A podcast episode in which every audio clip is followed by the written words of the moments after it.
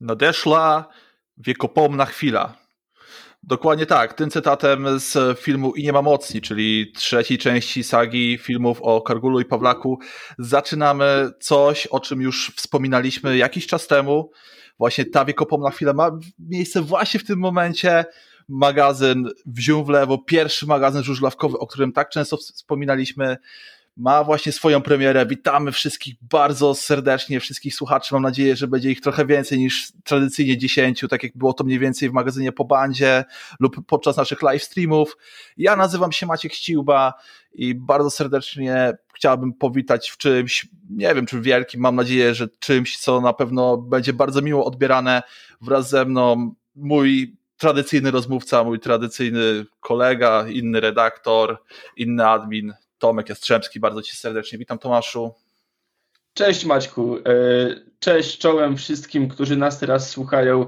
Bardzo się cieszę, że ten podcast doszedł do skutku, że dzisiaj rozmawiamy. Jest to już drugi projekt żużlawki w tym roku i drugi projekt żużlawki w ogóle, który dochodzi do skutku, więc można powiedzieć i można mieć nadzieję, że rok 2021 będzie dla nas przełomowy. Karty już niebawem. Ale zanim przejdziemy do jeszcze śmielszych planów, pozwólmy sobie zająć się tematami dzisiejszego odcinka. A będą to, Macieju. No przede wszystkim w pierwszej kolejności poruszymy takiego hot take newsa jak przejście Tobiasza Musielaka do Wilków Krosno. Gdzieś ten temat dosyć długo się utrzymywał, więc e, dzisiaj tak naprawdę został zrealizowany przez włodarzy klubu z Podkarpacia, więc gdzieś tutaj na pewno nad tym zaczniemy nasz e, podcast, nasz magazyn. Na pewno gdzieś tutaj przelecimy przez wszystkie spotkania, które miały miejsce do tej pory, gdzieś postaramy się o to zahaczyć, gdzieś będzie na pewno mowa o Danielu Biuleju, o Damianie Pawliczaku, oczywiście Wiktor Lampard, absolutnie nie moglibyśmy odpuścić tego tematu. Porozmawiamy również o tym, czy Częstochowa no, jadąc tylko jednym liderem, tak naprawdę Leonem, Macenem i juniorami, będzie miała szansę na coś więcej niż walkę o playoffy. No, zahaczymy również o niższą ligę, zahaczymy o Ewiner pierwszą ligę, porozmawiamy o cyrku w Ostrowie, o tym, co tam się stało, co tak naprawdę sędzia Jerzy Najwer robił, aby ten mecz, można powiedzieć, tych osiem biegów nie zostało tak naprawdę odjechanych, ponieważ tak naprawdę to się właśnie tam zadziało. No i gdzieś wspomnimy jeszcze o tych, e, można powiedzieć, meczu na szczycie, meczu, można powiedzieć, dwóch faworytów do awansu, czyli Wybrzeże ratujące punkt z osłabionym rowem i o tym, jak Tadeusz Zdunek przekonywał nawet już po meczu, że jadący bez lidera row na wyjeździe tak naprawdę, czyli w Gdańsku, e, urywa punkty i tak wspominał, że Rof absolutnie w dalszym ciągu ich nie, go nie przekonuje, więc gdzieś też o tym porozmawiamy. Nie wiem, czy Maszu, czy ty też masz jeszcze jakieś tutaj, yy, nie wiem, uwagi, coś chciałbyś też jeszcze tutaj poruszyć dzisiejszego dnia? Tak, ja chciałbym zaprowadzić taką małą tradycję. Yy, każdy odcinek naszego podcastu, chciałbym, aby każdy odcinek naszego podcastu zaczynał się od yy, trochę nietypowego akcentu, abyśmy każdy odcinek zaczynali cytatem z jakiejś literatury. To może być książka, to może być gazeta, to może być fragment poezji, nie wiem, graffiti na murze, które nas jakoś szczególnie poruszyło w zeszłym tygodniu. I y, abyśmy takim, od takiego akcentu właśnie zaczęli nasze rozmowy o żużlu, no bo nie tylko samym wzium w lewo człowiek żyje. Macieju, co sądzisz o takim pomyśle? Ja uważam, że jest to naprawdę fantastyczny pomysł. Warto wprowadzić, można powiedzieć, nasze podcasty nie tylko poprzez pewną e, patologiczną e, wyżynę, niektórzy powiedzieliby, że niszę, ja bym powiedział, że patologiczne wyżyny, ale również gdzieś zahaczyć właśnie o sferę kulturalną, więc jak najbardziej e, czytanie jakichś cytatów z książek, które nas poruszyły ostatnimi, ostatnimi czasy, będzie naprawdę świetnym urozmaiceniem i czymś, czego do tej pory jeszcze tak naprawdę nikt nie robił. Tak jest, więc ja sobie od razu pozwoliłem przygotować tak na sobotnie popołudnie e, krótki wierszyk w klimacie, cztery wersy na rozgrzewkę, nic wielkiego, nie będę was zanudzał, e, więc oddajemy głos Julianowi Tuwimowi. Po rynku cichej mieściny wałęsasz się leniwie, w zajeździe drzemiesz, ziewasz, kiwając się przy piwie. I tym optymistycznym akcentem chyba możemy ogłosić pierwszy temat naszego odcinka. Macieju, proszę, o czym chcemy dzisiaj pomówić? No tak jak wspominałem, pierwsze co to absolutny hot take news opublikowany przez media żużlowe dosłownie godzinę temu. Coś, o czym też mieliśmy mimo wszystko rozmawiać w magazynie, tylko jeszcze w trochę innej formie. Mieliśmy tutaj poruszyć przede wszystkim tobie, temat Tobiasza Musielaka i tego, czy będzie jeszcze w stanie powalczyć o skład, e, miejsce w składzie e-winner Apatora Toruń. Natomiast już widzimy, że Tobiasz Musielak w tym roku no nie pojedzie w Ekstralidze, ponieważ dzisiaj dopełniono formalności i został wypożyczony do zespołu e, Celfast Wilków Krosno i tak naprawdę Tobiasz Musielak staje, nie wiem, czy będzie w stanie wywalczyć miejsce w składzie, no przypuszczam, że będzie w stanie wywalczyć, ponieważ no jego takimi rywalami o miejsce w składzie są, czy też będą Daniel Jeleniewski oraz e, Mateusz Szczepaniak i Tomaszu. Powiedz mi, w tym wypadku uważasz, że prędzej który z zawodników na rzecz Tobiasza Musielaka straciłby miejsce w składzie właśnie? Mateusz Szczepaniak czy Daniel Jeleniewski? E, moim zdaniem jednak e, Daniel Jeleniewski. Nie, nie pamiętam w tym momencie dokładnych e, wyników, e, wyników Wilków Krosno, ale Daniel Jeleniewski ogólnie znany jest z tego, że kiedy coś nie idzie, to nie idzie mu z różnym skutkiem i potrafi, potrafi wtedy, mówiąc potocznie, strzelić focha. Więc y, tak właśnie obstawiam, że gdyby ktoś miał pójść w odstawkę na rzecz popularnego y, Tofika, to byłby to właśnie Jeleń. Ale muszę powiedzieć, że ja w ogóle jestem zaskoczony takim ruchem samego Apatora i takim ruchem samego Tobiasza, gdyż z przedsezonowych sparingów nie wynikało to, aby Apator z Musielakiem mieli brać taki szybki rozwód. Gdy patrzę sobie na wyniki, y, na wyniki tych meczów, w których Tobiasz Musielak występował, to w, y, ze Stalą Gorzów, z mojej Bermudy Stal Gorzów, to jest 6 punktów. Y, z Zieloną Górą nie pojechał.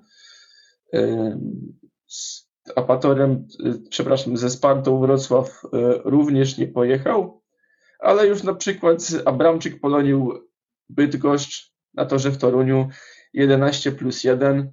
Z kolei w rewanżu w Bydgoszczy, jak wiemy, Apator tam niestety przegrał, ale Tobiasz Musielak tam był też jedną z, no może nie wyróżniających się postaci, natomiast swoje zrobił, bo pojechał, pojechał na 6 punktów, nie przywiózł ani jednego zera, tylko jedną taśmę no, można powiedzieć, że są to wy, wyniki w sumie solidne, jak na drugą linię, jak na Ekstraligę, e, więc nie widziałem powodu, żeby tak szybko pozbywać się Tobiasza Musielaka, zwłaszcza, że los toczy się kołem e, od góry do dołu, czy w przypadku Adriana Miedlińskiego od bandy do bandy. E, no więc nie wiem, Maćku, wypowiedz się, oświeć mnie, o co mogło chodzić. To znaczy tak, ja jeszcze chciałbym tylko wrócić do jednej rzeczy. Otóż Wilki Cross, no tak jak tutaj gdzieś zahaczyliśmy o ten temat, no po tym meczu w Rybniku przeanalizowałem sobie od razu, jak wyglądały tutaj punktacje obydwu krajowych, można powiedzieć, zawodników Wilków, czyli Daniela Jeleniewskiego oraz Mateusza Szczepaniaka, no to obaj zdobyli taką samą zdobycz punktową, czyli po 5 punktów, z tym, że Mateusz Szczepaniak e, ma dopisany jeden bonus, dlatego, że przyjechał za plecami kolegi z drużyny w jednym więc no poziom raczej zaprezentowali tutaj bardzo podobny w tym pierwszym spotkaniu, tak samo podobnie chujowy. Natomiast e, patrząc też e, na formę Tobiasza Musielaka, to też zapomnieliśmy o kryterium asów, chociaż wiadomo, że kryterium asów to raczej turniej, to jest turniej towarzyski, ale tak naprawdę z tego co ja pamiętam, Tobiasz Musielak e, tamten turniej zaczął naprawdę z dobrej mocnej strony.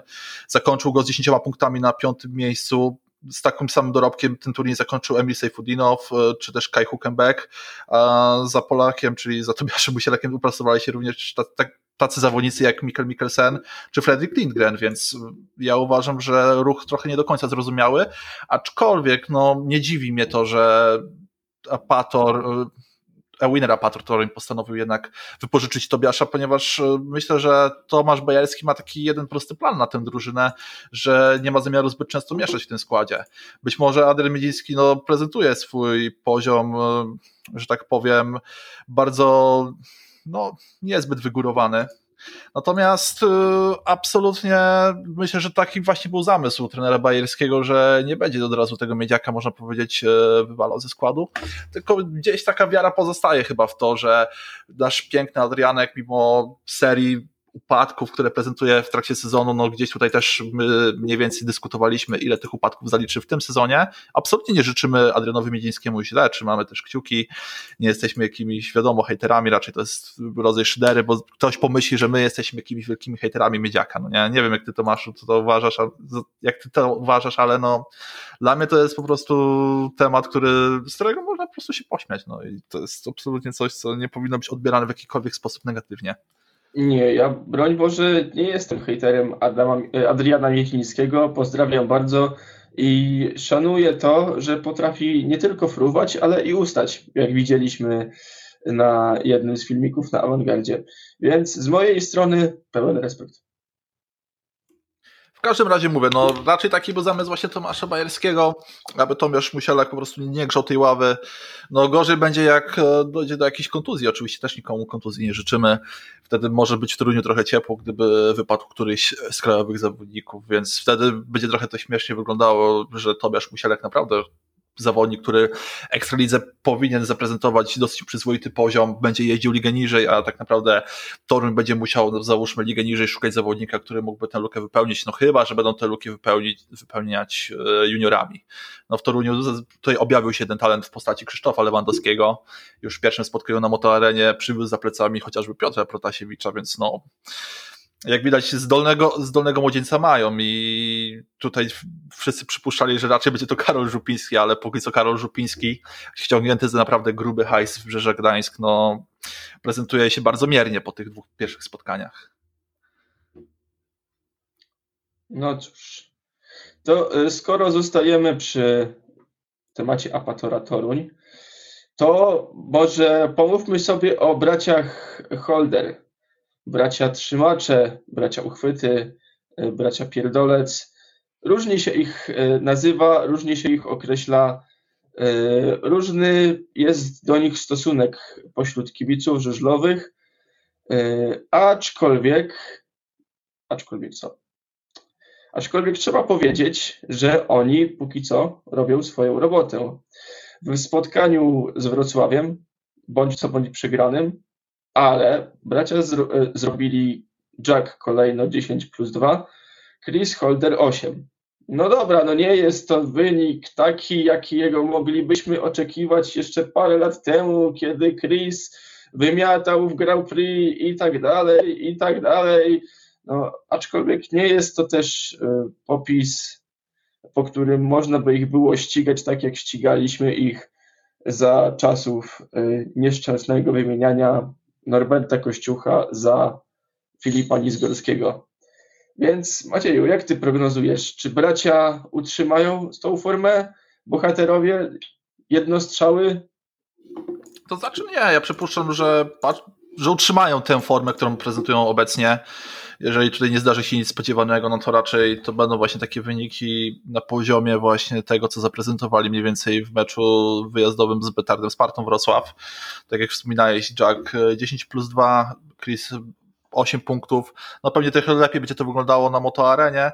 No i przypuszczam, że mając takich dwóch solidnych, no, bardzo dobrych liderów, bym powiedział. Nie są to jacyś liderzy na poziomie Bartosza z Mazlika, czy e, nie wiem, Macieja Janowskiego. Liderów na poziomie Bartosza z Mazlika to chyba nikt w tym momencie nie ma. Nikt nie ma, tak, tak. Trochę przyzbaniłem, bo absolutnie chyba nikt takich liderów nie ma. No może takiego lidera miał rok temu Grudziądz w postaci Artioma Maguty, no ale w tym pierwszym spotkaniu Artiom Maguta no, przyjechał raz tutaj na czwartym miejscu, co mnie bardzo po prostu zaskoczyło, ale to też była, mi się wydaje, kwestia tego wrocławskiego toru. Ten wrocławski tor zawsze sprzyjał walce, był przygotowywany można powiedzieć, e, w bardzo ciekawy sposób.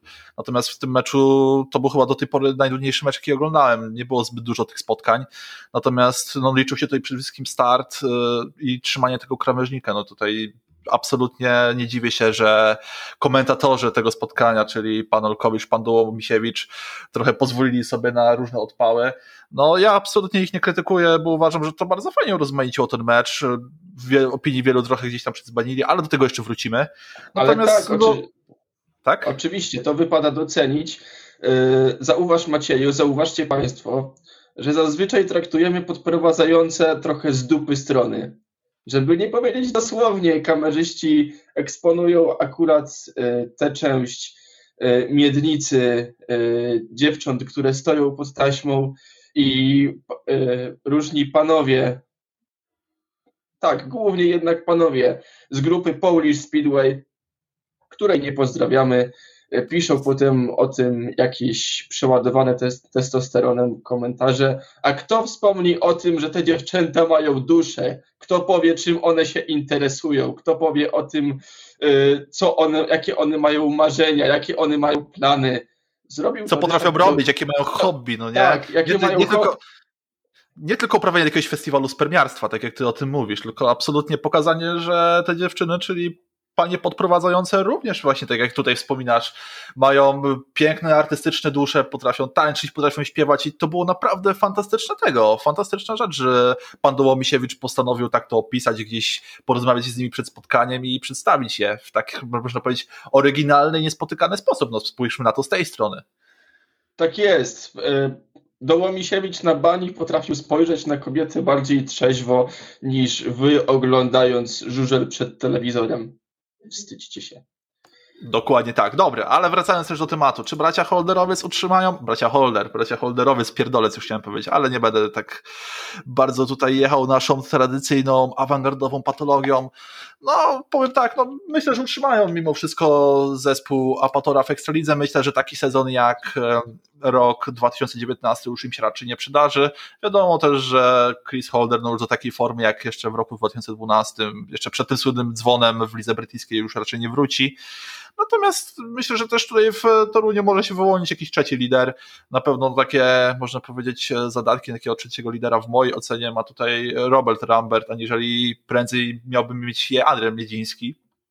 Więc myślę, że Robert Lambert po tych 11 punktach we Wrocławiu, no to jest ciągle chimeryczny zawodnik, ale jak w końcu gdzieś tam wszystko mu zagra, spasuje, to jeżeli zadba również o swoją formę, Apator myślę, że na tym spokojnym szóstym miejscu ma szansę skończyć ligę. A co powiesz Macieju o Pawle Przedpełskim? Bo mamy tutaj taką parę dwóch, yy, dwóch chłopaków, toruniaków, którzy powrócili z zesłania do Częstochowy. O Adrianie Miedzińskim powiedziano już wszystko, jeszcze zanim powiedziano o nim cokolwiek, więc nie będziemy yy, kopać leżącego pod bandą. Yy, natomiast właśnie, czy Pawłowi Przedpełskiemu znowu wydarzy się Paweł Przedpełski, czy tym razem on uciągnie? No, we Wrocławiu powiedzmy było przyzwoicie 8 plus 1. Y, nie było u siebie było 11 plus 1 z Folubazem, czyli jeszcze tak, lepszy. U siebie wynik. było 11 plus 1, czyli jest potencjał. Pytanie, czy u Pawła mm, można liczyć na to, że to się utrzyma?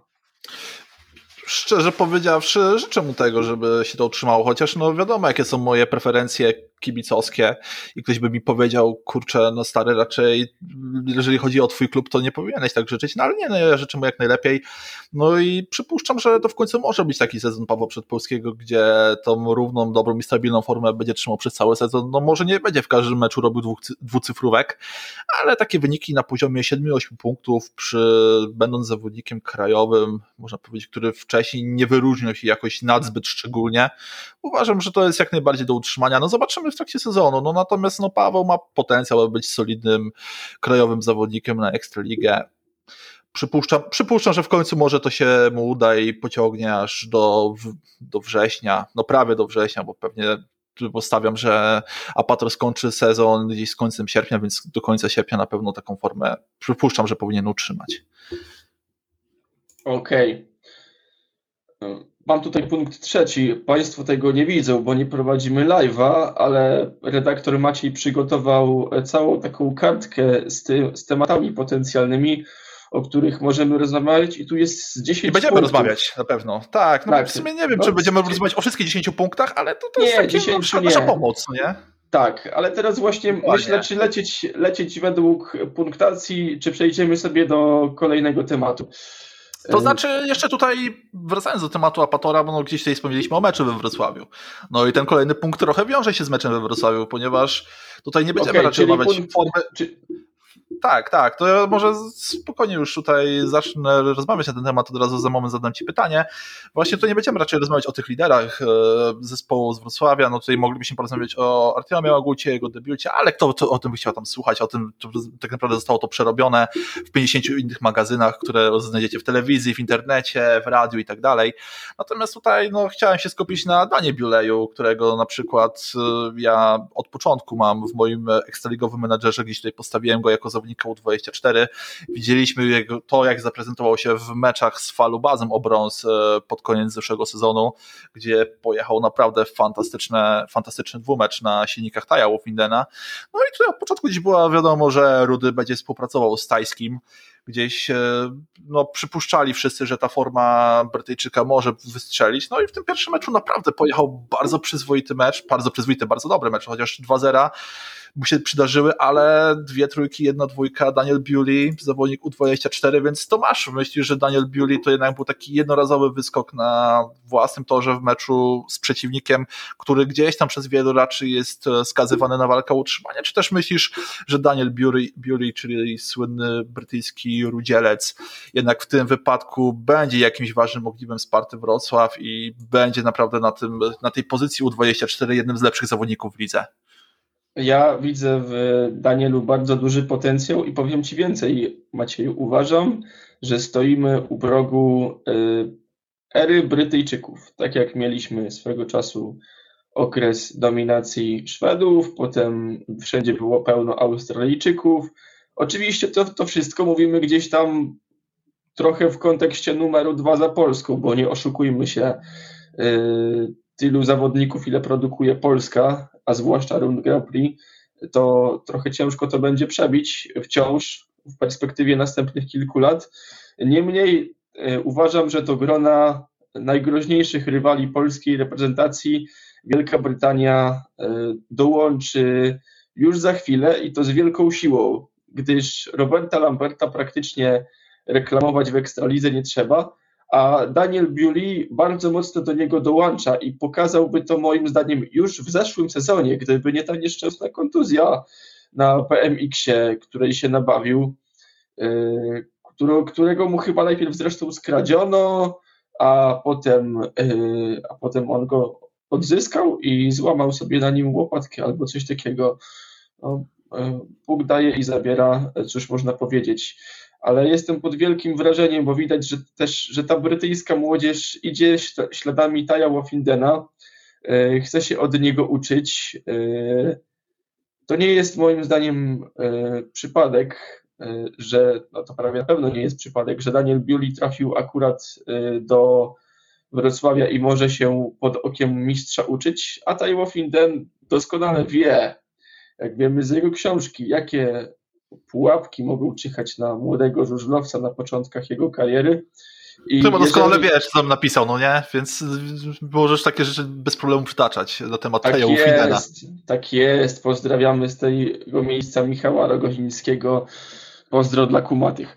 E, Pozdro dla kumatych. Pozdro dla kumatych. Więc tak, uważam, że pod okiem Taja Wofindena Dan Bewley wyrośnie nam na kozaka. To, że jest rudy, to tym lepiej. Ja też. Dobrze, w każdym razie jeszcze chciałem zapytać się jedną rzecz. W sumie nie zapytać, tylko stwierdzić, że brytyjski żużel jeszcze nie umarł, póki Polaczki chcą ułożyć jakiś hajs na ten sport, bo tak naprawdę gdzieś ci bardziej utalentowani zawsze będą zgarniani przez te kluby z niższych lig i tak naprawdę gdzieś będą się potem przebijać, więc no brytyjski żużel, no mi się wydaje, że mimo, że ta liga wygląda trochę śmiesznie, ta liga brytyjska, a szkoda, chociaż tam w dalszym ciągu są bardzo ciekawe spotkania, natomiast no, ten poziom no to już nie jest poziom, który był tam jeszcze 15-20 lat temu. Natomiast no, póki Polska pompuje jakieś pieniążki w ten, no, we, wzium, we w lewo, no to na pewno brytyjski żużel mi się wydaje, że też będzie w jakimś stopniu istniał. Znaczy, zauważ, że mm, brytyjski żużel to trochę to też wynika z tego, że mm, brytyjski żużel ma fajny poziom, aczkolwiek Liga Brytyjska jest bardzo wsobna, w tym sensie, że tam te tory są dużo krótsze niż w Polsce i też sposób techniki jazdy, sposób przygotowywania silników y, dla tych, mm, to jak, jak ma, prezentują ci zawodnicy wychowywani tam, jest inny od tego, który jest potrzebny na kontynencie, zwłaszcza w Polsce. A jednak e, tym żużlowym ego, e, tym żużlowym, przepraszam, brakuje mi słowa, niebem, nie ego, tym żużlowym niebem w tym momencie jest teraz Polska. I kto chce być kozakiem, kto chce być zawodnikiem z naprawdę wysokiego pułapu, musi się nauczyć tych e, standardów polskich, europejskich czy whatever, twardych torów, długich torów.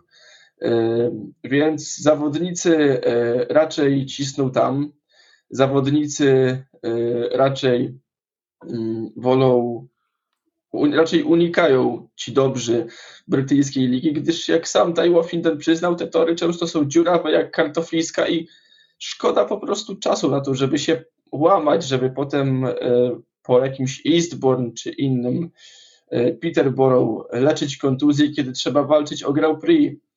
No, nie poza mieli... tym, poza, sorry, że ci wtrącę się tu masz, ale też poza tym hajs jest o wiele mniejszy, no nie? Musisz jeździć po dziurawych torach za mniejszy hajs.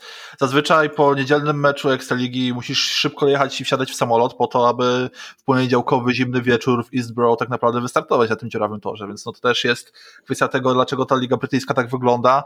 No i też ograniczenia dotyczące KSM tam pamiętam bardzo mocno zadziałały na to, że jednak zawodnicy rezygnowali z tej ligi, a szkoda, szkoda, bo to miało swój urok i swój klimat. Natomiast no też gdzieś, jeżeli chodzi o tę Ligę Brytyjską, też może to gdzieś z tego wynikać pewien plus, że dzięki temu w tej lidze może startować więcej młodych Brytyjczyków, gdzieś uczyć się tego speedwaya, no ale też no, nie przekładajmy tak mocno jazdy po tych technicznych, dziurawych bardzo przyczepnych torach w Wielkiej Brytanii, gdzie potem trzeba przyjechać do Polski i na wielkim lotnisku ala Rzeszów, e, Tarnów, e, czy też e, nie wiem co tam jeszcze, jeżeli miałbyś podejść takiego wielkiego toru z danego lotniskiem, o, na przykład Leszno również jest takim lotniskiem, gdzie trzeba byłoby tutaj przyjechać, ustawić się i wystartować i pojechać takie zawody na naprawdę wysokim poziomie.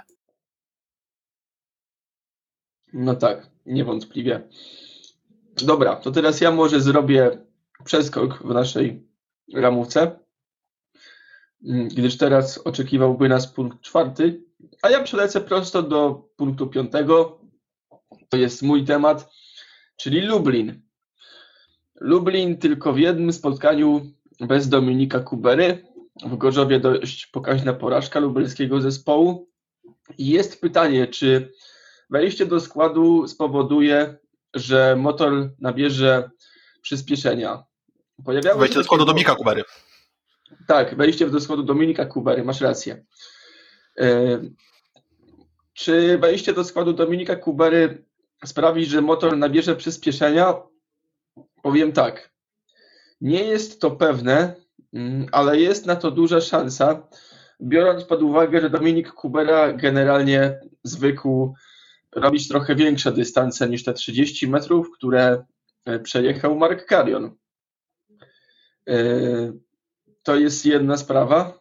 Druga sprawa, że no, w Lesznie był to jednak bardzo solidny ligowiec.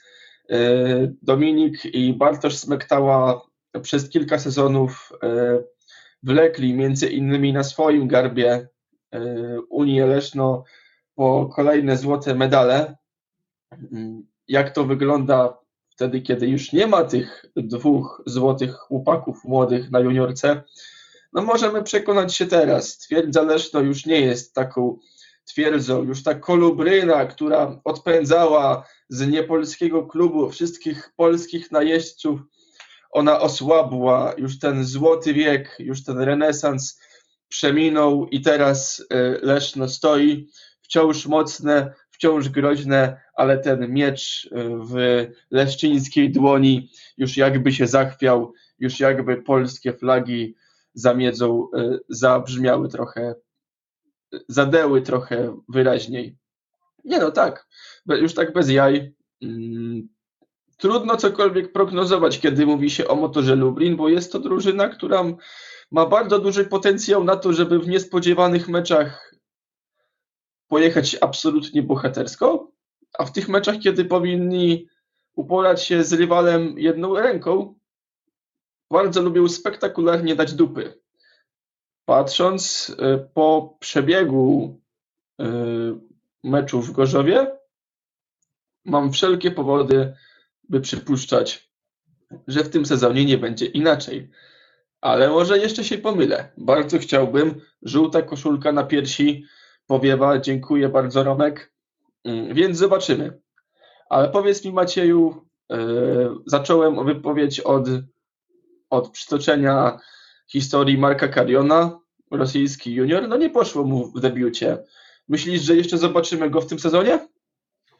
To znaczy, powiem tak, przypuszczam, że jeżeli chodzi o mecze ekstraligowe, jeżeli nie wydarzy się nic nieprzewidzianego, zakładam, że nie będzie żadnych kontuzji w drużynie Motoru Lublin, to nie zobaczymy już Marka Kariona i to będzie absolutny antyrekord. Prawdopodobnie to będzie antyrekord, ponieważ no tutaj już padło pytanie ze strony e, Romana na grupie żużlawkowej, czy był jakikolwiek inny żużlowiec, który oczywiście, który wystartował do biegu, nie taki, że zdefektował motocykl na starcie, może inaczej, że wjechał w taśmę i już potem ani razu w sezonie nie wyjechał, tylko taki, który wystartował spod taśmy, przejechał na motorze jakiś dystans i że już więcej po prostu prawdopodobnie w tym sezonie go nie, nie zobaczymy. I to jest takie pytanie, czy jest jakiś inny, czy ten jest jakiś, można powiedzieć, inny antyrekord niż ten, który ustanowił właśnie Makarion. Czyli jest ktoś, kto przyjechał mniej, więcej niż zero, ale mniej niż 30 metrów w sezonie ekstraligowym i to mnie bardziej ciekawi. Natomiast no ja przypuszczam, że Makarion no, raczej nie, nie dostanie już tutaj szansy. Może gdzieś tam w jakichś zawodach, e, nie wiem, czy będzie miał okazję jeździć w zawodach towarzyskich, w jakichś turniejach towarzyskich, może gdzieś tam się pokaże, oczywiście pewnie pewnie w lidze rosyjskiej. Natomiast no, przypuszczam, że jeżeli tutaj nie będzie jakiejś kontuzji, to to w Lublinie raczej ten żelazny skład, który tutaj miał być od początku wraz z Dominikiem Kuberą, no, Lublinowi bardzo mocno się udało, że tylko jedno spotkanie tak naprawdę gdzieś bez e, zawodnika pochodzącego z Leszna. Naprawdę to jest moim zdaniem bardzo duży fart i bardzo duży bonus dla zespołu z Lublina. No, natomiast mówię, no, Marka, Marka Kariona już raczej nie zobaczymy. Jednak tutaj, jeżeli chodzi o ten Lublin, chciałem jeszcze poruszyć no, jeszcze jeden temat, już od razu na niego wejść. Wiktor Lampard, który można powiedzieć e, zrobił bardzo trzy pokaźne jaja, czyli trzy zera, trzy biegi, trzy starty, trzy razy czwarty. E, czy jeszcze czymś zaskoczy? Bo i pytanie również do ciebie, Tomku. Czy jeżeli nie pójdzie na to, że to czy spodziewasz się, że prędzej czy później, podobnie jak Dominik Tyman, zadebiutuje na gali w MMA VIP Marcina Najmana? Mm, ja mam taką propozycję i petycję. Bardzo ładnie ci wyszło to powiedzenie e, trzy starty, trzy razy czwarty. To tak ładnie się zrymowało. Weź to zapisz na jakieś przyszłe odcinki. E, może to będzie takie nasze powiedzenie, takie nasze powiedzenie. E, a co do przyszłości Wiktora Lamparta w mieszanych sztukach walki, no, na razie zebrał od, po ryju od rywali na torze i tutaj w Lublinie oczekujemy, że ustosunkuje się do tego na torze. Trudno powiedzieć, dlaczego tak mu nie poszło. Znaczy, no teoretycznie są tacy, którzy mówią, że, że się tego spodziewali, że y, można było się tego po Wiktorze Lamparcie w jakiś sposób spodziewać. Ja się może nie ustosunkuję, natomiast sztab szkoleniowy mówił, że na treningach Wiktor prezentował się bardzo dobrze, był szybki, generalnie były wszelkie podstawy do tego, żeby sądzić, że mecz w Gorzowie będzie w miarę w porządku, chociaż tor gorzowski zazwyczaj Wiktorowi nie leży. No, nie wyszło, nie wyszło dość spektakularnie i zobaczymy, zobaczymy. Ja mam wielką nadzieję, że, że Wiktor się obudzi, y, a ma z kogo brać przykład, bo jego kolega z formacji juniorskiej z kolei opromienił nas blaskiem swojej chwały. No, trzeba przyznać, że powalczył jak równy z równym i w biegu młodzieżowym. I potem e, zaimponował bardzo e, młody Cierniak i trzymam kciuki, aby przekazał Wiktorowi czy ten, czy ten swój nitrometanol, czy po prostu pozytywne nastawienie, które, e, które dzierży.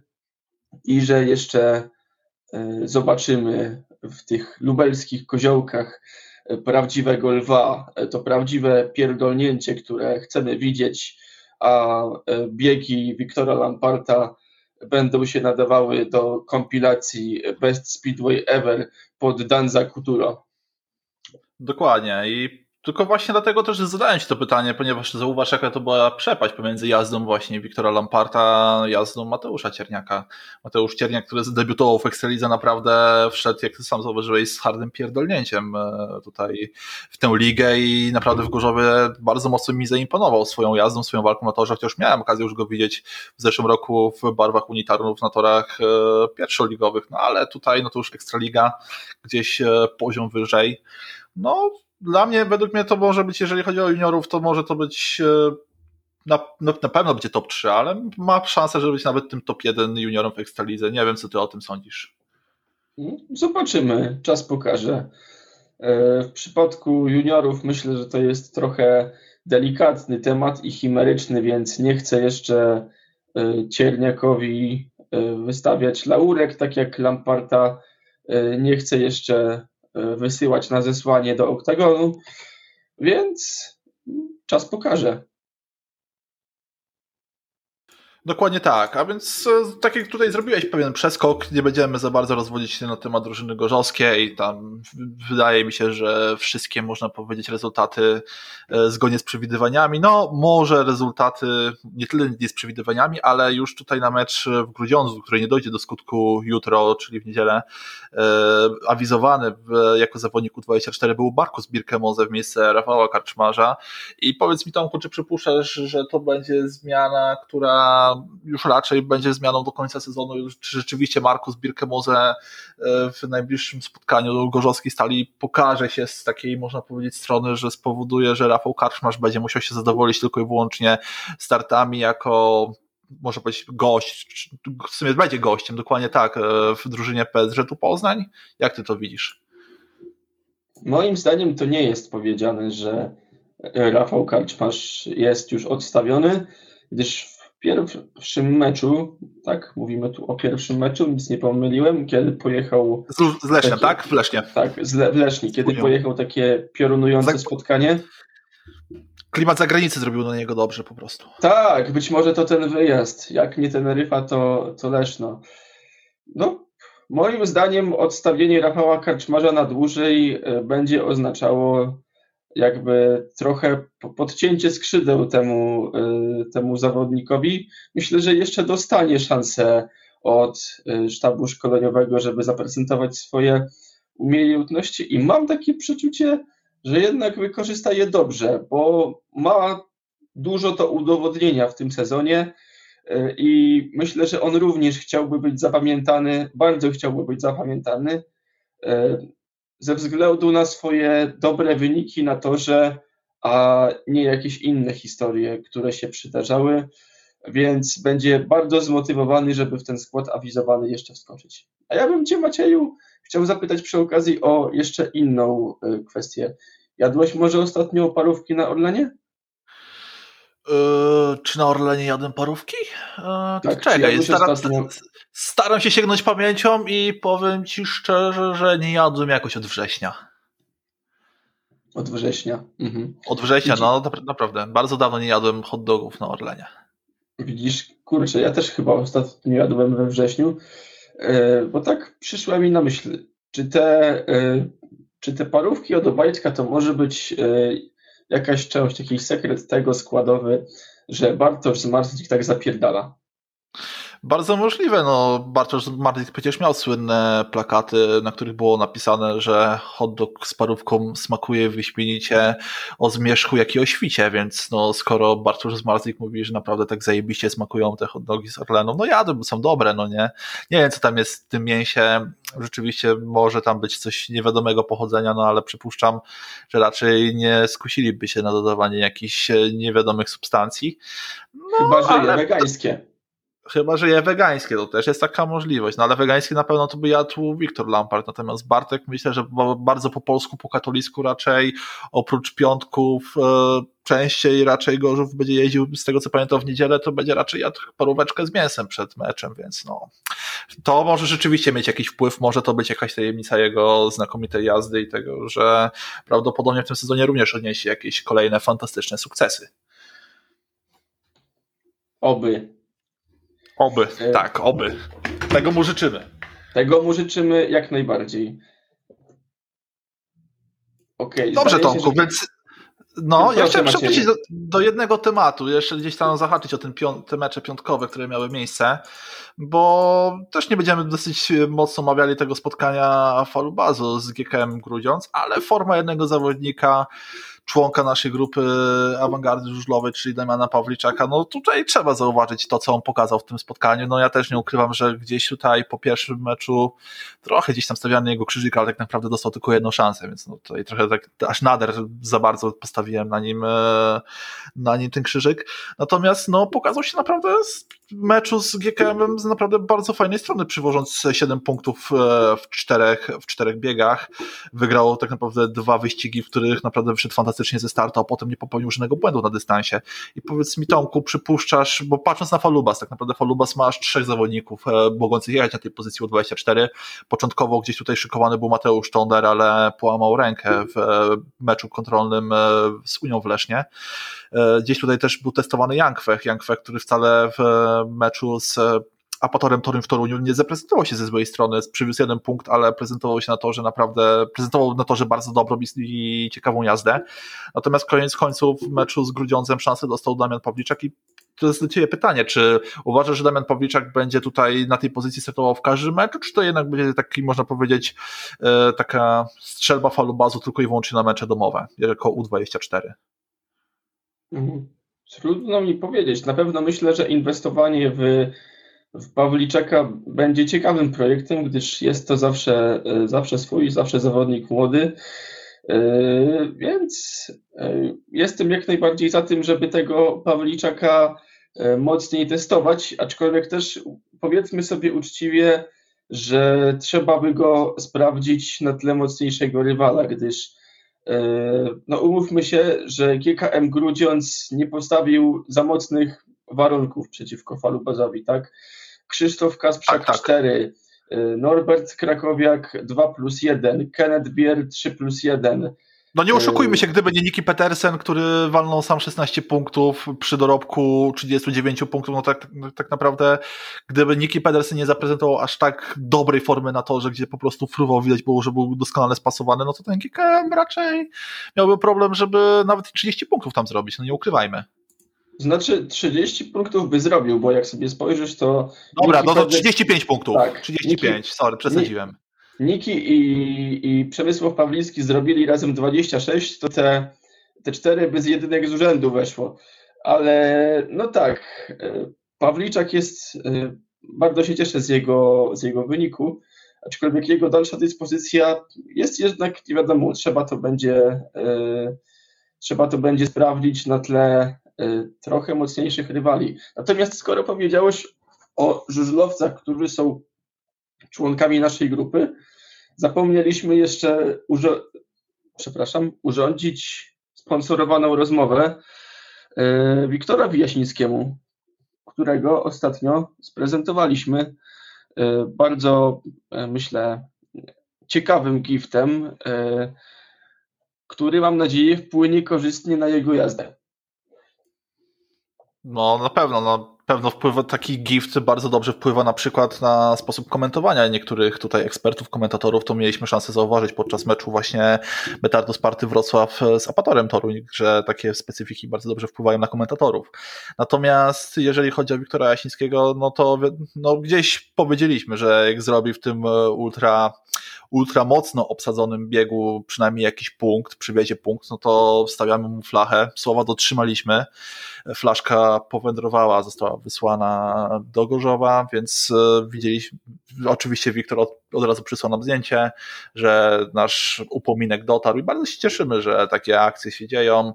Jeżeli będzie jakaś sposobność, nawet oczywiście nie będziemy za każdym razem do każdego żurowca mówić, a jak ty przywieziesz, to na pewno ci wyślemy flachę. Natomiast jeżeli będzie jakaś okazja, będzie jakiś ciekawy możliwość podarunku, no to na pewno takie akcje gdzieś będą się działy, więc warto śledzić zarówno nasz fanpage, jak ktoś jest zainteresowany, również zalecamy dołączyć do grupy, tam można powiedzieć, jest trochę więcej takiego, można powiedzieć, kontentu premium na naszej grupie, więc no, zalecamy również, aby odpowiedzieć na pytania i brać czynny udział w tworzeniu bardzo ciekawej społeczności, naszym zdaniem. Tak jest i pamiętajcie, że dobro działa w dwie strony, więc jeżeli ktoś zechce wysłać flaszkę nam, abyśmy mogli przetestować, jak wpływa to na tworzenie treści dla użytkowników, to my, broń Boże, nie obrazimy się za taki podarunek. To prawda, to prawda. Nie obrazimy się.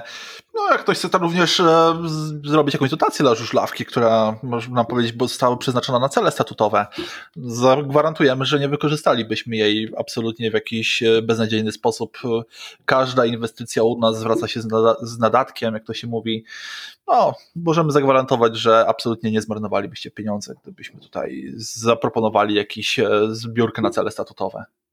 Tak jest. Dobrze, Tomku, a więc e, może trochę też wróćmy teraz do tematów stricte żużlowych. Jeszcze tak naprawdę tutaj powinniśmy zahaczyć o jedno spotkanie, które miało miejsce w drugiej kolejce. No też moglibyśmy jeszcze poruszyć pierwszą kolejkę, ale gdzieś tutaj tę pierwszą kolejkę tak staramy się gdzieś wsuwać pomiędzy nasze wypowiedzi, gdzieś tam do tego nawiązywać. No jak zawsze wystartowaliśmy z e, małym falstartem, ale no sam zauważyłeś chyba, że pierwszy magazyn, pierwszy można powiedzieć e, pierwszy podcast, w którym tutaj tworzymy gdzieś tak naprawdę tych tematów do rozmowy, przypuszczeń, które tutaj gdzieś mniej więcej mamy na temat formy tego zawodnika. Niektórzy pojechali tak naprawdę jeden mecz i tak naprawdę sam, sam widzisz, no nie ciężko tak naprawdę tworzyć jakąś klarowną opinię, czy ten, czy inny zawodnik będzie w trakcie sezonu wyglądał lepiej, gorzej i tak dalej, więc tak naprawdę sam widzisz, że po jednym meczu no ciężko co na ten temat mówić. Tego też można powiedzieć taki trochę mały falstart i będziemy tylko rozmawiać o tym, co wydarzyło się w miniony weekend. A więc e, ostatni takim, e, można powiedzieć, akcentem, który wieńczył ten cały, można powiedzieć, e, tę całą drugą kolejkę w żużlowej Ekstralidze było spotkanie w Częstochowie Włókniarza z Leszczyńską Unią. Tutaj no, też nie będziemy się jakoś rozwodzić na temat każdego zawodnika, natomiast no, to, co nam przykuło bardzo mocno uwagę, to jazdy Janusza Kołodzieja. Jak to tutaj wspomniał nasz redakcyjny kolega, admin, redaktor pewnego portalu, którego nazwy wymawiać nie będziemy, czyli Przemek Półgęsek, Janusz Kołodziej to Unii Leszno-Czarodziej, bo tak naprawdę 14 punktów zgubił tylko jeden punkt e, w trakcie całego meczu i po Tomku, bo postać Janusza Kołodzieja jest o tyle ciekawa, ponieważ Janusz Kołodziej w pierwszym swoim meczu, czyli meczu z, z Stalą Gorzów na torze leszczyńskim, z tego co pamiętam bodaj zrobił, przywiózł tylko 5 punktów, chyba 5 plus 1, natomiast dwa, może być tydzień później, absolutnie odmiana tego zawodnika, tak naprawdę traci tylko punkt, jedzie kapitalnie, widać, ten tor całkowicie mu pasuje. I powiedz mi, czy Janusz Kołodziej zaliczy już enty sezon z rzędu, gdzie tak naprawdę będzie ciągnął z, pewnie z Emilem Sejfudinowem i z Piotrem Pawlickim, chociaż z Piotrem Pawlickim to też różnie bywa wyniki Unii Leszno i czy rzeczywiście Unia Leszno, nie powiem czy znowu zostanie mistrzem Polski, ale czy na pewno znowu spowoduje to, że Unia Leszno znowu będzie walczyła o te medale. Mm, Janusz Kołodziej e, transmutuje powoli w taką leszczyńską odmianę Piotra Protasiewicza, to znaczy jedzie tak dobrze, że aż powoli robi się to nudne, a kiedy czasem przywozi słabsze punkty, to serce boli, nieważne komu akurat y, kibicujesz. Tak, trzeba powiedzieć otwarcie, że Janusz Kołodziej wymiata. Jestem pod absolutnym wrażeniem, jestem wielkim fanem kariery tego zawodnika. Y, nie potrafię zrozumieć, dlaczego to się stało, że kiedy on dostał się do Prix, nie zrobił tam większej kariery. Być może to była sprawa finansów, być może głowy, aczkolwiek Janek rzeczywiście jest jedną z najjaśniejszych gwiazd tego naszego ekstraligowego nieboskłonu. Gdyby była taka latarnia morska gdzieś na Morzu Śródziemnym albo na Pacyfiku, taka latarnia morska, która zawsze wskazuje e, ludziom dobry port, dobrą przystań, gdzie wszystko jest dobrze, gdzie są ciepłe łóżka, ładny klimat, wszystko jest zawsze wiadomo będzie na, na 100%, to to jest właśnie Janusz Kołodziej wraz z Emilem Sajfuttinowym, który paradoksalnie w Częstochowie trochę przygasł, bo zaczął e, dwójka, potem trójka, a potem zaś tylko dwie jedynki i to bez bonusa. No, nie do tego przyzwyczaił nas e, rosyjski zawodnik, e, Torypeda, jak się go określa, czy tam jeszcze inne, inne takie, takie tam nie wiem jakie, przepraszam, zaplątałem się Macieju. Ale tak, to może przeanalizujmy sobie, zostawmy tę Unię Leszno, bo to, że Unia Leszno wygrywa, to jest wiadome, to jest nudne. Y, o Unii Leszno pogadamy sobie, jak zacznie przegrywać. Y, dokładnie tak, dokładnie tak. tak. A tymczasem po, pomówmy sobie może, co się stało, co się odjebało że Włókniarz Częstochowa, mając wszelkie argumenty na własnym torze, żeby to niepokonane Leszno pokonać, jednak tego nie uczynił. To znaczy, ja przypuszczam, co tutaj mogło się odjebać i przypuszczam, że tak naprawdę to są dwa słowa i te dwa słowa brzmią Fleming Gravelsen, który, którego silniki tak naprawdę ciągnęły włókniarz przez ostatnie dwa lata. Sam Leon Macer mówił, że na ten mecz silniki przygotował mu Brian Carger i sam zauważ, że no, te silniki nie prezentowały, nie prezentowały się źle, natomiast Leon Macer no, to nie był już taki, można powiedzieć, absolutny lider, gdzie każdego innego lidera potrafił przywozić daleko za swoimi plecami i wyprzedzać go na tym torze zarówno po zewnętrznej, po wewnętrznej, jak ten tor tak naprawdę nie był przygotowany. Oj, no, no, no, no, nie wiem Macieju, z tym, z tym stwierdzeniem, że to nie jest absolutny lider, to, to absolutny lider. Dobrze, może trochę, trochę źle to ująłem w słowa, przepraszam, może absolutny lider. To jest Jednak na ten moment tak naprawdę jedyny wyrazisty lider Częstochowy, ale gdzieś ta jego jazda na tym sprzęcie, którego, z którego korzystał w meczu z Lesznem, to jednak z tego co ja widziałem, to nie była to jazda taka jak jeszcze w poprzednich sezonach na silnikach Fleminga Gravesena. No to jest moje przypuszczenie. Źle to może ująłem. Absolutny lider, no dalszym ciągu jest to absolutny lider, ale no ta jego jazda na tych innych jednostkach no nie wyglądała już tak bardzo, bardzo przekonywująco, jak jeszcze w tych zeszłych sezonach. Nie wiem, jak ty to odczułeś. Powiem Ci, że nie pamiętam tego meczu aż tak dokładnie, bo e, chyba te, oglądając ten mecz e, zaliczyłem równocześnie e, sesję RPG na Discordzie i tak jedną, jednym okiem podglądałem Ekstraligę, drugim okiem e, słuchałem, e, co mówią moi przyjaciele i co mistrz gry właśnie rzuca kośćmi. Więc e, na temat tego meczu w szczegółach chyba nie umiem się wypowiedzieć ale to może tym bardziej. Dopytam Cię. E, Bartosz Smektała, e, ta emigracja z Leszna, e, tak samo jak Dominik Kubera, dużo podtekstów, no bo jak wiadomo, klub, który go wychował jak własna matka, zeszłe sezony znakomite. Przyszedł mecz właśnie z Unią, no i grubo poniżej oczekiwań. Jak myślisz, co, co mogło zajść? Czy zjadła go presja? Czy to również silniki? Czy ja myślę, że nie ma jednej konkretnej przyczyny. Myślę, że wszystkiego po trochu tutaj mogło tak naprawdę zaważyć na tym, że Bartosz Smektała nie pojechał jakichś porywających zawodów e, w Częstochowie. Bardzo przeciętnie, jak nie powiedzieć słabo. Natomiast absolutnie Bartosza Smektała mi nie skreślał. To jest ogromny profesjonalista. Potrafił, no prezentował się przez ostatnie sezony naprawdę kapitalnie. Nawet jeżeli tutaj jeździł poza biegami juniorskimi, to tak naprawdę dzięki jego jeździe i Dominika Kubery w dalszych częściach spotkań tak naprawdę Unia potrafiła te mecze gdzieś tak naprawdę przechylać szale zwycięstwa na swoją korzyść. Więc no myślę, że Bartosz Smackdown tak, tak naprawdę potrzebuje czasu. Po jednym spotkaniu nie chcę go oceniać. No, można powiedzieć, pierwsze koty za płoty, pierwsze, można powiedzieć, zapłacił frycowe. No i zobaczymy, jak to będzie wyglądało w dalszej części sezonu. Natomiast no, to jest na tyle utalentowany zawodnik, na tyle wielki, bardzo profesjonalnie podchodzący do tego sportu, że przypuszczam, że prędzej czy później wejdzie na te tory i to mi się wydaje, że on akurat będzie tym krajowym liderem na tle właśnie Kacpra, na tle, no przed Kacprem Woryną, no nie, to raczej Kacper Woryna prędzej będzie jego tłem niż on tłem Kacpra Woryny. Absolutnie też nie mam nic do Kacpra Woryny, natomiast no Kacper Woryna no miał szansę przez ostatnie lata no gdzieś też jeździć z pozycji seniorskich w Ekstralidze w barwach właśnie Rowu Rybnik, no też nie prezentował się albo bardzo chimerycznie i te mecze, w których tak naprawdę przywoził te dwucyfrówki, jakieś doskonałe rezultaty, no to można policzyć chyba na palcach jednej czy tam dwóch rąk.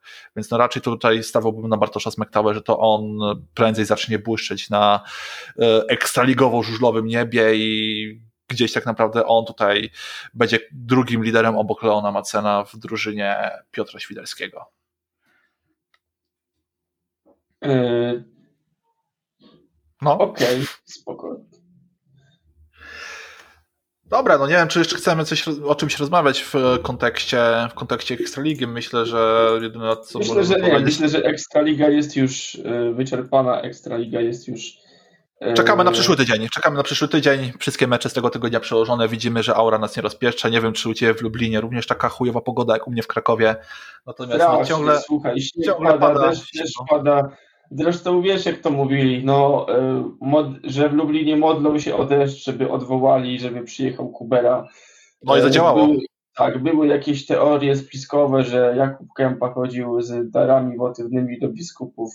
Mogę to potwierdzić, byłem tym biskupem, więc yy, zadziałało, meczu nie ma. Dominik Kubera, welcome to. Yy, I tak, jazda z kurwami, Dominik, czekamy na Ciebie, w Tobie nasza nadzieja.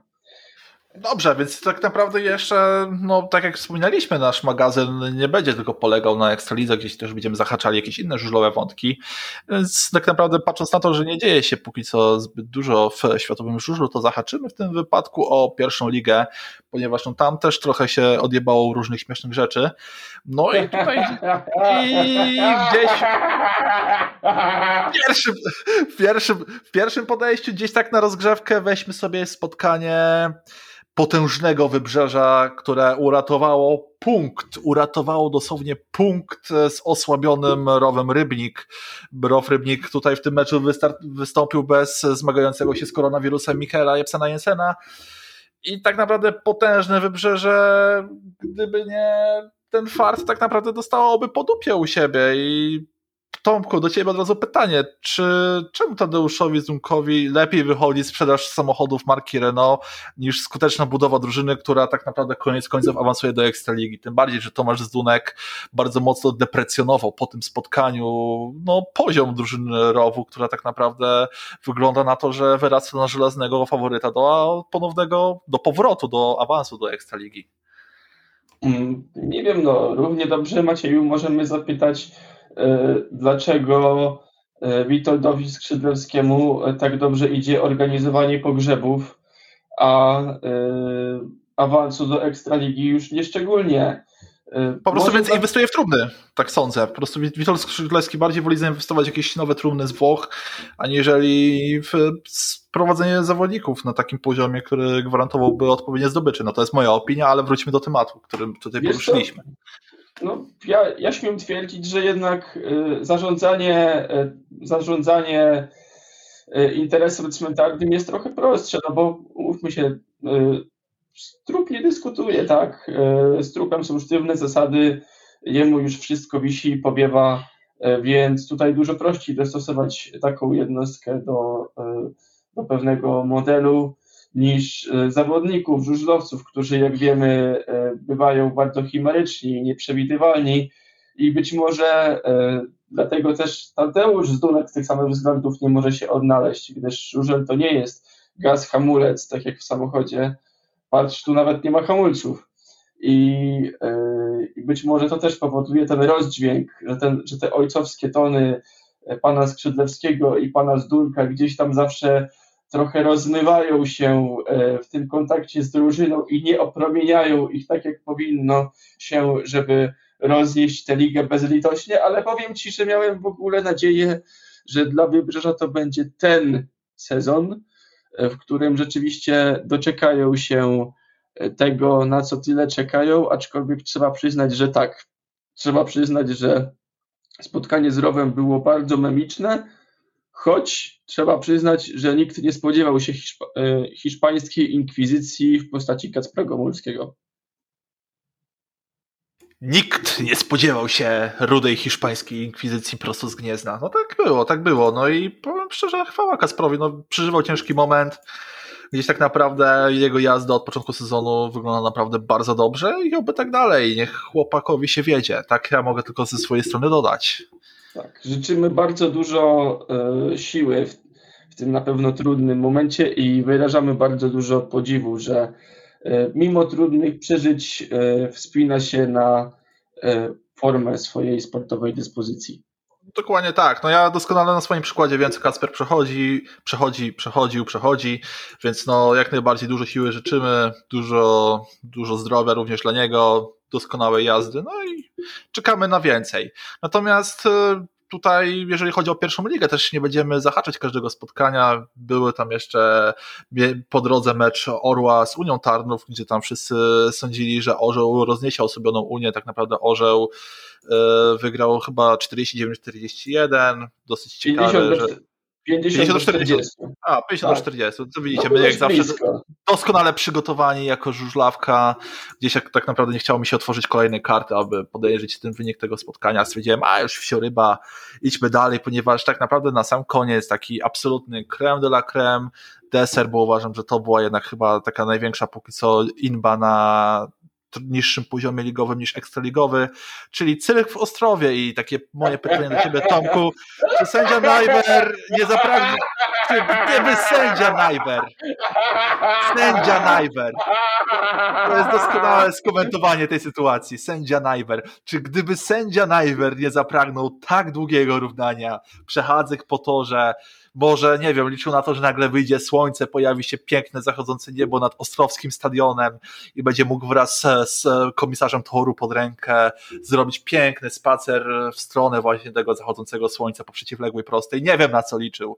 To Tomku, czy uważasz, że gdyby sędzia Najwer nie zapragnął nagle nie wiem, jakiegoś e, pięknych, długich e, przechadzek, to czy tak naprawdę byłaby szansa na odjechanie tych ośmiu potrzebnych biegów, aby ten mecz no, został tak naprawdę zaliczony? No bo ja uważam, że bez problemu ten mecz można było te osiem biegów odjechać w te 20 minut, w których te równanie tak naprawdę się działo. Nie wiem, słuchaj, może on był po rozmowie z Jakubem Kępą i wiedział coś, jak wywołać deszcz. Y, może, y, może to były właśnie jakieś takie sztuczki, że E, odkrył jeden dziwny sposób, chciał przetestować, czy to działa. Nie no, e, co mam powiedzieć? Pasowałoby tu wstawić tę słynną okładkę z faktu z 2006 roku. E, han, hańba, skandal, kompromitacja, żenada, frajerstwo. Nie wracajcie do domów. Pewnie, że gdyby ten mecz zorganizować szybciej, prawdopodobnie dałoby się go odjechać, przynajmniej w jakiejś takiej części, która pozwoliłaby na regulaminowe zaliczenie wyniku. Y, niemniej y, sędzia Najwers uznał, że to jest dobry moment, żeby równać i równać i równać. Nie wiem, czy on chciał ten ostrów zrównać z ziemią, czy co? No właśnie, ale no też był taki przykład z zeszłego roku. Właśnie wtedy mecz Falubazu Zielona Góra z GKM Grudziądz i z tego co pamiętam do Zielonej też właśnie padał deszcz i tam jechali całe spotkanie, chyba dopiero przed e, biegami nominowanymi była dłuższa przerwa i równanie. Natomiast tam cały mecz jechali bez równania, bez dłuższych przerw. E, tam chyba były tylko dwie dłuższe przerwy, dlatego że były zmiany taktyczne, więc no tam były te regulaminowe dwie minuty. Natomiast z tego co pamiętam, wtedy chyba bodajże 8 biegów odjechano w 20 minut, chyba niecałe, ale można można było odjechać. Tutaj tak samo można było odjechać, jechać szybko bez równania, 8 biegów byłoby zaliczonych, natomiast kompletnie nie rozumiem, po co było to równanie, po co było to schodzenie, po co były te przechadzki, kontrolowanie. Nie było trzeba, było trzeba tak naprawdę od razu po czwartym biegu zapalić bursztyn, dać się komunikat do parku maszyn, zapalić bursztynowe światło, jedziemy piąty. No kurwa mać, no. Jest, nie jesteśmy jakimiś wybitnymi działaczami żużlowymi, nie wiem, sędziami i tak dalej, no ale nawet jako tacy zwykli kurde kibice i przez niektórych postrzegani jako hejterzy, no to kurwa widzimy, co tu się tak naprawdę odpierdala. Tak, e, tutaj gdyby dało się wstawić w formie głosowej taki mem, pasowałbym ten mem z Szymonem Hołownią rozkładającym ręce, a za nim na planszy widnieje wielki napis dlaczego i po co. Dobrze Macieju, wybiła godzina, trzy minuty naszej rozmowy i myślę, że to jest dobry moment, aby zamknąć klamrą nasz pierwszy odcinek, chyba że chciałbyś coś jeszcze dodać. Tak, e, chciałbym coś jeszcze dodać, ponieważ możliwe, że po tym e, naszym pierwszym podcaście mogą pojawić się pewne pytania, na które już teraz chciałbym odpowiedzieć. E, więc Dlaczego zanim. Dlaczego i po co? Może inaczej. Zanim Tomku, ty coś od siebie dodasz, to po pierwsze, o czym chciałbym powiedzieć, to to, że tutaj, tak jak sam zauważyłeś, nasz podcast będzie trwał godzinę z kawałkiem. Na przyszłość planujemy, że to może trwać nawet i dłużej. Nie zamykamy absolutnie tego w ramach godzinnych. Tak jak sami zauważyliśmy, będziemy rozmawiali na tyle, na ile mamy potrzebę. Dzisiaj to trwało godzinę, więc no, rozmawiamy godzinę z kawałkiem. Po drugie, pewnie pojawi się pytanie, dlaczego nie na żywo, dlaczego nie w formie wideo. Absolutnie się na to nie zamykamy. Bardzo możliwe, że już od drugiego odcinka nie mówimy tak, nie mówimy nie, bo może od trzeciego, może od czwartego, a może od drugiego, a może od dziesiątego, jeszcze tego nie wiemy. Planujemy, żeby to było w formie live streama na naszym e, facebookowym fan, fanpage'u, żeby była możliwość zadawania pytań, reagowania, więc też gdzieś planujemy, ale to jeszcze jest kwestia po prostu bardziej techniczna, że to musimy bardziej dopiąć ze strony technicznej. Jak to dopniemy, gwarantujemy, że będziemy to robić na żywo właśnie w formie live streamów. I pod trzecie, pewnie to pytanie się pewnie pojawi, gdzie Grudzin i czy będzie Grudzin, ponieważ wiemy, że nasz wspaniały redaktor, administrator Dawid Grudziński ma bardzo wielkie grono Barak szósty, barak szósty.